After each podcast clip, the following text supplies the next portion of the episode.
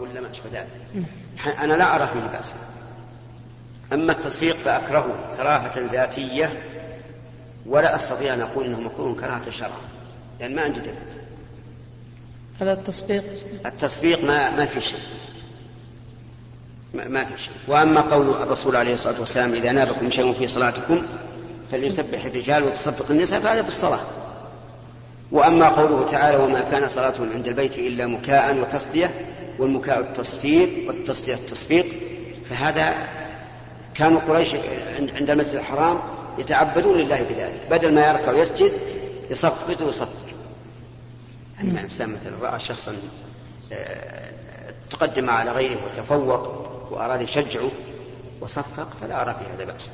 والله ما فيها دليل ما فيها دليل سمعت أنهم يتخذونها عبادة. نعم. نعم. طيب شوف التصفير أي نوع من التصفير انتهى الكلام. هو هذا عن التصفير يعني مثل صفارة الحاكم في المباريات كراهة ذاتية. بدون بدون ما ولا عندي دليل. يعني لو أحد طالب بالدليل ما أستطيع أقول عندي دليل. زيك. نعم. أنا من جدة. أتيت هنا محدد يعني فترة زمنية. فترة الدراسة أربع سنين تقريبا وأرجع جدة. إيه. هل آخذ نفس حكم المسافر من قصر الصلاة و... أين أين دراستك؟ أين دراستك؟ هنا. هنا في في بيتي؟ في نازل المنطقة يعني في منطقة القصيم. نعم. طيب. آه، هل اتخذت القصيم وطنا؟ لا. إذا أنت مسافر. ولهذا نجدك من حين ما تنتهي الدراسة في أيام الإجازات ترجع إلى أهلك. فهمت؟ فأنت فيما نرى مسافر. لكن يلزمك أن تحضر إلى الجماعة في المساجد. إذا سمعت النداء فأجب. هنا. بسم الله الرحمن الرحيم. فضيلة الشيخ بارك الله فيكم ذكر بعض العلماء بيانا لقوله عليه الصلاة والسلام أزرة المؤمن إلى أنصاف ساقيه. وقال بأن الثوب والعباءة لا تدخل في هذا الحديث وإنما المقصود هي الأزرة أو الإزار وهو ما يشبه لباس أهل اليمن. فهل يعني هذا أن الثوب والعباءة والبنطال لا يكون لها حكم لا يكون لها حكم الإزار من حيث التقصير إلى أنصاف الذي الساقين نرى بارك الله فيك أنه لا فرق.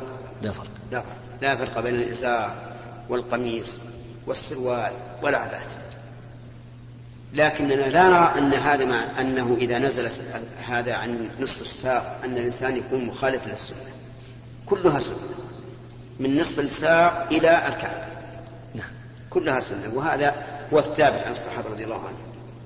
كان أبو بكر لما حدث الرسول عليه الصلاة والسلام أن من جر ثوبه خلع لم ينظر الله لم ينظر الله إليه قال يا رسول الله إن أحد شقي إزاري يسترخي علي إلا أن أتعاهده. وهذا يدل على أن أن إزاره إلى إلى قريب الكعب نعم. لأنه لو كان كذا لو لم يكن كذلك لكان إذا نزل إذا نزل بدت عورته من فوق. صحيح. على كل حال التشديد في هذا الأمر لا ينبغي.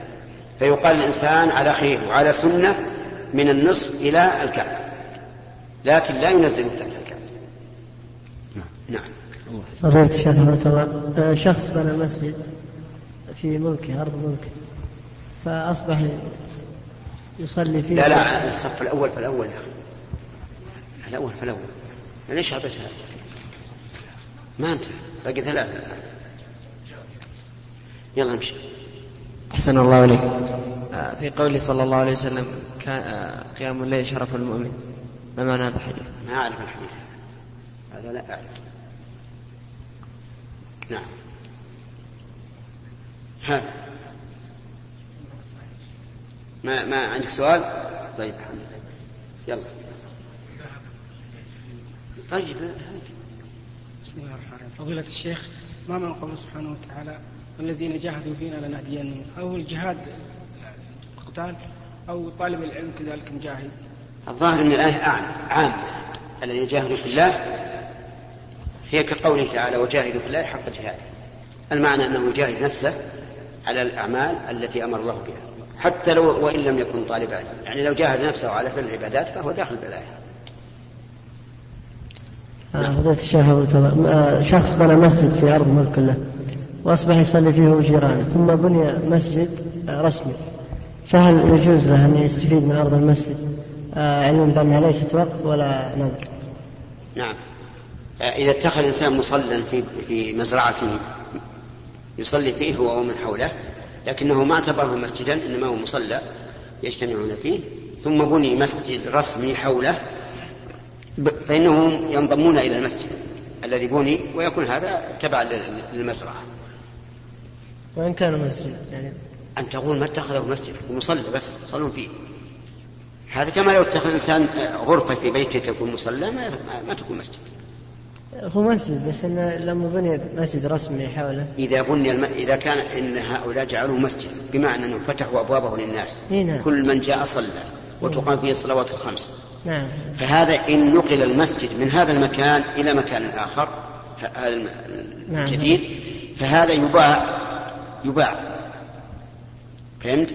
ويؤخذ بقيمته آه، وتجعل قيمته في مسجد آخر. يعني ما يجوز الاستفادة هو نفس الشخص. ما يستفيد منها. أنت أنت قلت لي إنه مسجد. هو هل الإنسان إذا إذا وقف مسجد يجوز يرتاح فيه؟ سو قال إنه ليس وقف ولا نذر. يعني مع إنه هو كان- قال لم تقول. إذا كان خليه يجي منه ويسألنا عشان أستفهم منه أكثر. نعم. أقول يا شيخ بالنسبة للإنسان إذا كان عنده مثلا استراحة أو بيت وأتاه مستاجر ويعلم أنه بيضع شيء محرم كالدش نعم. هل يجوز أن يستاجر؟ أو أجره شيخ؟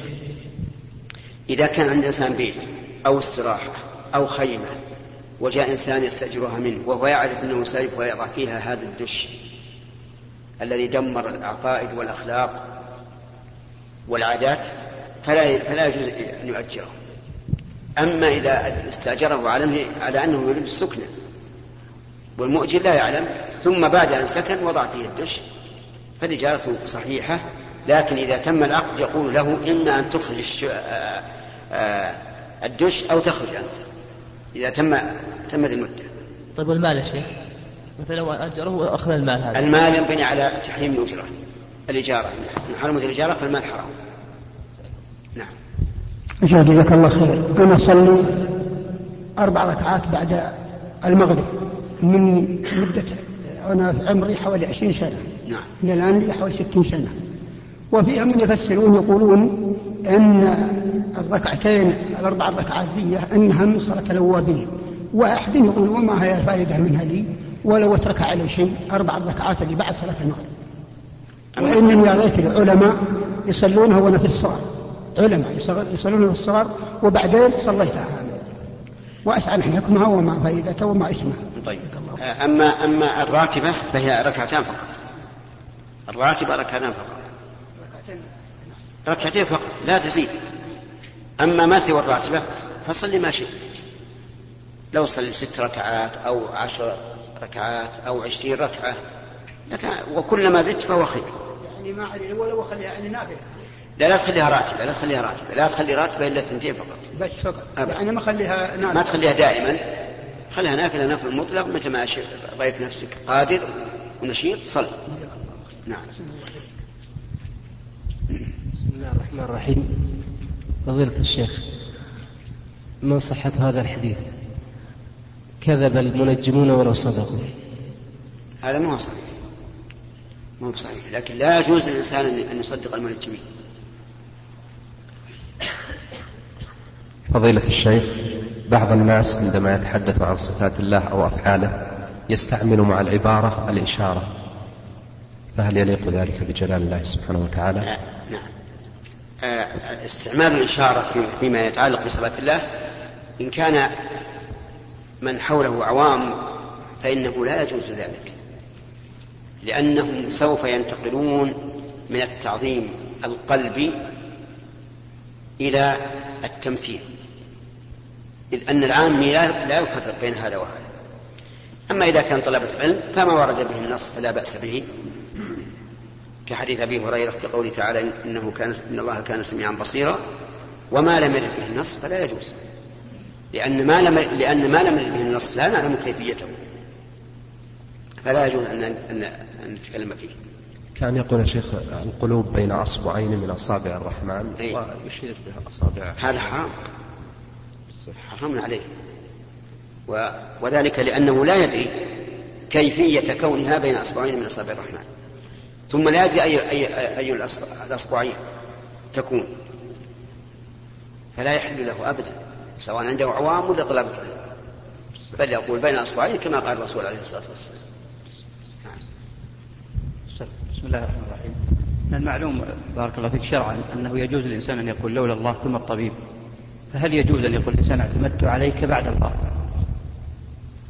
لا بأس أن يقول اعتمدت عليك بعد الله. و... ويجب أن تعلم أن قول القائل لولا الله ثم الطبيب يجب أن لا يعتقد أن الطبيب مساو لله عز وجل لأن كثير من العامة يقول لولا الله ثم فلان ولا يفرق بين هذا وبين قوله لولا الله وفلان. فيجب أن ننتزع من الناس تعظيم الأسباب وأن نبين لهم أن الواجب أن يتوكلوا على الله وحده وأن يعتقدوا أن هذا الشيء سبب قد ينفع وقد لا ينفع. فأضرب لكم مثلا النار بطبيعتها محرقة. وأراد أعداء إبراهيم عليه الصلاة والسلام من إلقائهم إياه فيها أرادوا من ذلك أن أن يحترق. فهل فهل أحرقت؟ لا. مع أنها سبب محرق لا شك. لكن أي سبب يكون لا يكون إلا بإذن الله عز وجل. النبي عليه الصلاة والسلام أخبر بأن الحبة السوداء شفاء من كل داء إلا الموت. ومع ذلك نجد كثيرا من الناس يستعمله ويموت. لأن الأسباب لا تنفع إلا إذا أراد الله عز وجل نفعها أفهمتم؟ فلذلك يجب أن نبين للعوام أنهم حتى لو قالوا لولا ثم الطبيب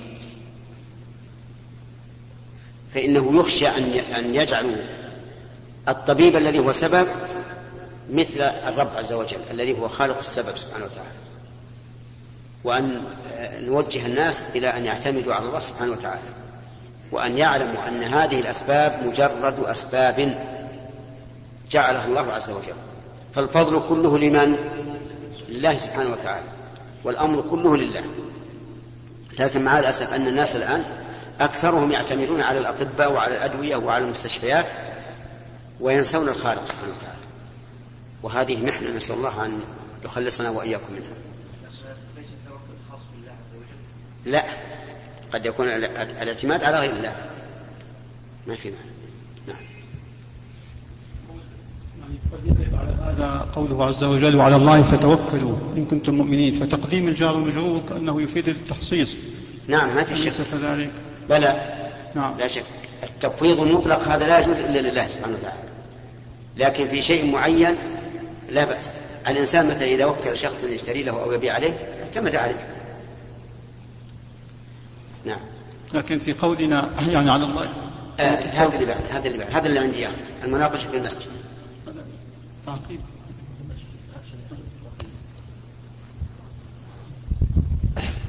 فضيلة الشيخ عرض على رجل مبلغ مقابل حجة عن الغير فهل يجوز له أخذ المبلغ علما أنه لولا هذا المبلغ لا ينوي الحج لوجود ظروف مانعة؟ نعم. آه إذا أعطي الإنسان مالا ليحج به فلا بأس. لا سيما إذا قصد الإنسان بهذا خيرا. إذا قصد بهذا خيرا. كيف يقصد الخير؟ يقصد أولا قضاء قضاء لازم أخيه. لأن كثيرا من الناس يتمنى بكل قلبه أن يجد من يحج عنه أو عن ميته مثلا. ثانيا أن ينوي بذلك التقوي بهذا المال على الوصول إلى المشاعر المقدسة لعله يصاب برحمة الله عز وجل في ذلك المكان. ثالثا إذا كان طالب علم ينوي بذلك أنه يذهب إلى تلك المشاعر ليهدي ليهدي الله على يده من شاء من عباده. وفي هذه النيات الثلاث كلها نيات طيبة لا تضر. أما من حج من أجل المال فهذا هو الخاسر. ولهذا قال شيخ الإسلام ابن تيمية رحمه الله قال من أخذ المال ليحج به فلا حرج. ومن حج ليأخذ المال فما له في الآخرة من خلاق. يعني ما له نصيب من الآخرة. فهمت الآن؟ نعم. الذي ينبغي نعم. من أخذ حجا عن الغير أن ينوي ما, ما ذكرت لك إذا كان مثلا نيته بس يبغى المب- المبلغ. لا. عنده لا. ظروف تمنعه من ذلك. لا لا يذهب إذا كان لا يريد إلا المبلغ لا يذهب وهو خاسر. طيب وصاحب سيارة. صاحب سيارة من عادته يأخذ ركاب ويحج ما في شيء وعرض عليه حجة فهل يأخذ هذه الحجة؟ لا بأس لأن هذا حاج على كل حال وهو يقول أنا مقصدي على أساس أني أبغى أسدد فيها المهم ما دام؟ هذا الرجل حاج على كل حال نعم. نوع السيارة بيحج نعم. حال. ما في بأس جزاك الله خيرا بعده فضيلة الشيخ ما صحة حديث اللهم هذا إقبال ليلك وإدبار نهارك وأصوات وأصوات دعاتك فاغفر لي عند أذان المغرب. إيه. هذا فيه شيء من الضعف لكننا لا نرى آه، أن يدعه. لأنه دعاء فإن صح الحديث فهذا المطلوب وإن لم يصح فهو دعاء وثناء على الله. نعم. آه شيخ أحسن الله إليك. هل يجوز الاستثناء في الحلف بغير إن شاء الله؟ مثلا بإذن الله وبعون الله. غير ذلك. هل هل يجوز؟ الاستثناء في الحلف. نعم. هل يجوز بغير إن شاء الله مثل بعون الله بإذن الله؟ أي نعم نعم يجوز. بإذن الله مثل بمشيئة الله. لكن بعون الله الظاهر أن هذا أيضا تفويض الله عز وجل وإن كانت دون قول القائل بمشيئة الله أو إن شاء الله. فالأولى أن الإنسان ي- يستثني بقوله إن شاء الله أو بمشيئة الله. أما بعون الله فقد تعطي تفويض الأمر إلى الله. وقد تعطي أن الإنسان جازم لكن يسأل الله العون. ولهذا نقول إن الاستثناء بها ضعيف. وأن الإنسان لو لو حنث بك في يمينه في مثل هذه العبارة فالاحتياط أن يكفر عن يمينه. نعم. أحسن الله عليك يا شيخ. أسألكم عن بطاقة الهلل وبطاقة الصراف. إيش؟ بطاقة الهلل آه، الصرف حق الهلل اتصال أو بطاقة الصراف. حكمة أو إيش؟ حكمة بطاقة الهلل إيه. آه، إذا أخذت تسعة من الهلل لا أقصد البطاقة اللي في بطاقة الهاتف البطاقة هاتف البطاقة أي إيه. ما في بأس ما في هذه تشرب 50 ريال إيه. ما فيها شيء تشرب 50 ويبيع الواحد 55 إيه. ما في بأس. والصراف كذلك؟ الصر... لا الصراف الصراف وكذلك صرف آه، تسعة بعشرة ما فيها بأس. السلام عليكم. ورحمة الله السلام عليكم. آه، هناك بنك إسلامي آه، يدعى بنك فيصل في مصر ويشرف عليه بنك فيصل الإسلامي يشرف عليه مجموعة من العلماء والبعض يشكك في هذا البنك والبعض ينتصر له.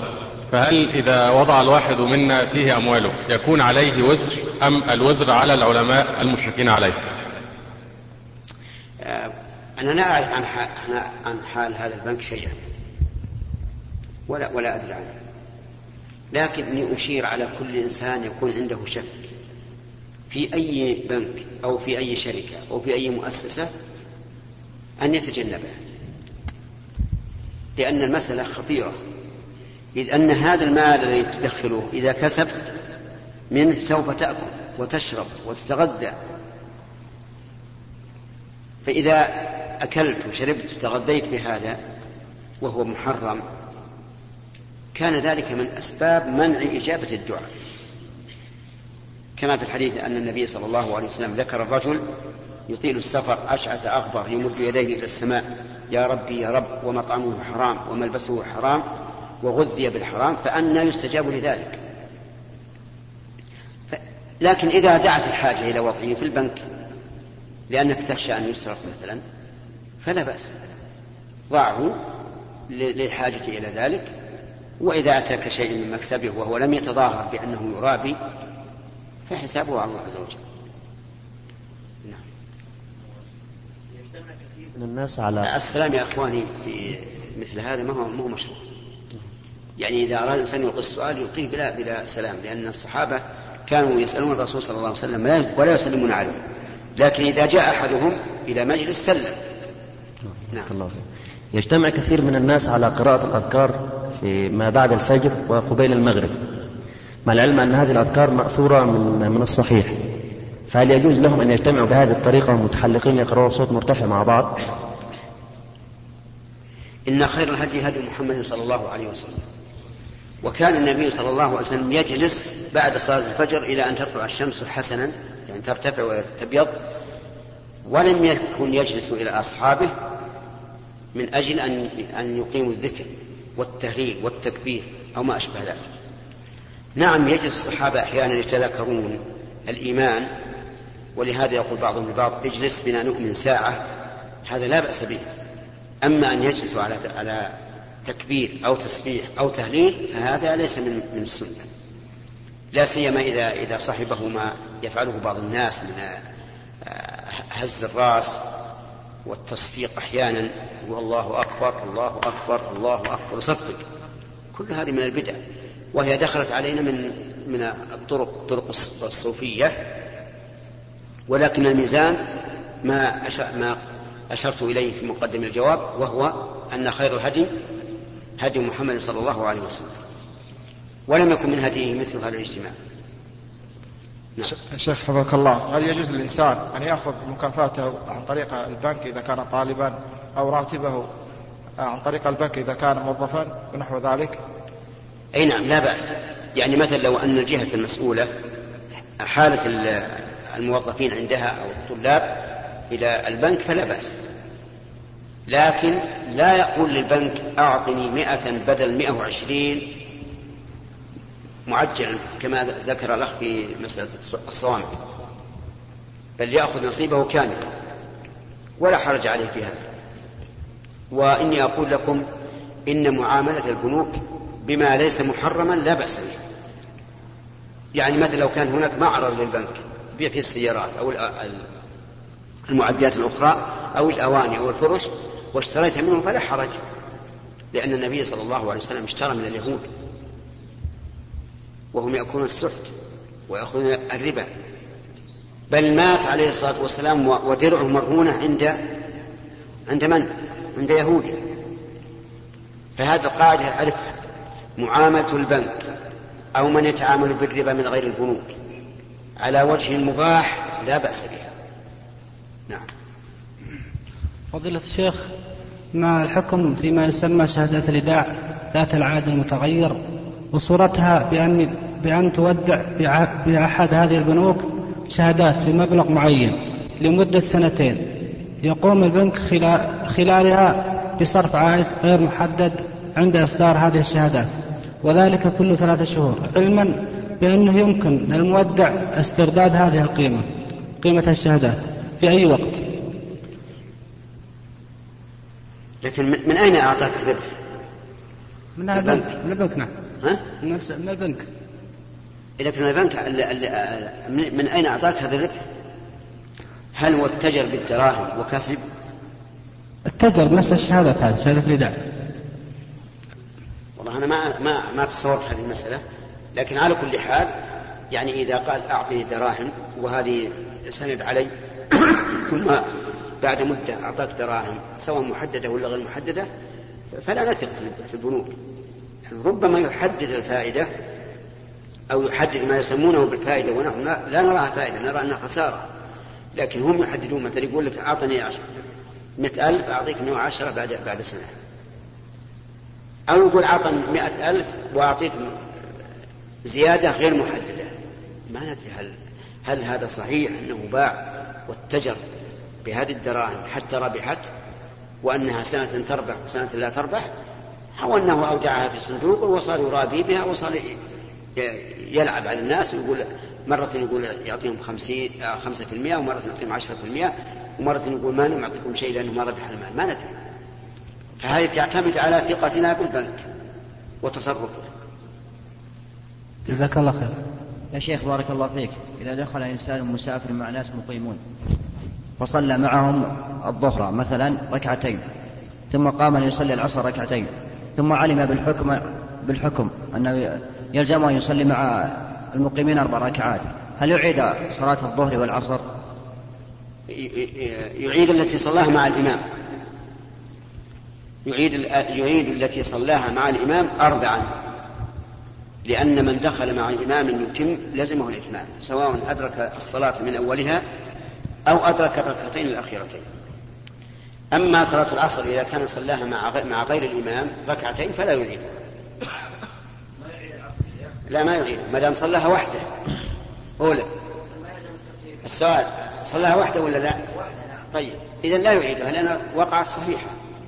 والترتيب شرط الترتيب شرط فيما لو علم الإنسان بأنه قد فاته شيء ولم يصليه قبل الحاضرة أما الآن صلى العصر هو بناء على أن صلاة الظهر صحيحة فهو صلاها في وقتها. ما يضر. الخطأ في الترتيب أو الإنسان في الترتيب لا يضر. السؤال الأخير يا شيخ. نسأل أو لقب اسأل اسأل اسأل بارك الله فيك. هذا الأول يخاطب الثاني. الأول موسى ترى هو اللي يدبر الأمر. جزاك الله خير. إذا أشار خلاص. ها موسى جزاك الله خير. آه، تتمة على قضية التوبة بارك الله فيك يا شيخ. نعم. فالأول يقول للآخر هذا النصراني أسلم آه، لحظات قبل موته ونطق بالشهادتين. آه، فقال الثاني إنه لا يسلم لأنه لم يعمل ومن قال بإسلامه فهو على عقيدة المرجئة. فقال الأول فما لك في قول النبي صلى الله عليه وسلم إلى عمه آه، يأمره بالشهادة وهو على فراش الموت وأيضا على حديث أنت شققت على قلبه. آه، فقال الآخر فقال الثاني وما لك بقصة فرعون؟ مع غرقه. فبارك الله فيك يا شيخ. ما في إشكال هذا. جزاك الله خير. إذا إذا إذا تاب الإنسان قبل أن يغرقد قبل الله توبته. هكذا جاءت النصوص. وأما قول المرجئة فالمرجئة إنما يقولون إن إن العاصي الذي أسلم من قبل وكان يعصي الله عز وجل بغير الكفر مؤمن كامل الإيمان. ولا تضره هذه المعصية. لكن هذا الرجل ما عمل معصية إطلاقا. شهد أن لا إله إلا الله ثم توب فيكون هذا هو منتهى كمال إيمانه. ولهذا جاء في الحديث من كان آخر كلامه من الدنيا لا إله إلا الله دخل الجنة. ولا يخفى علينا قصة العصيري رجل من بني عبد الأشهل كان منابذا للنبي عليه الصلاة والسلام كارها دعوته.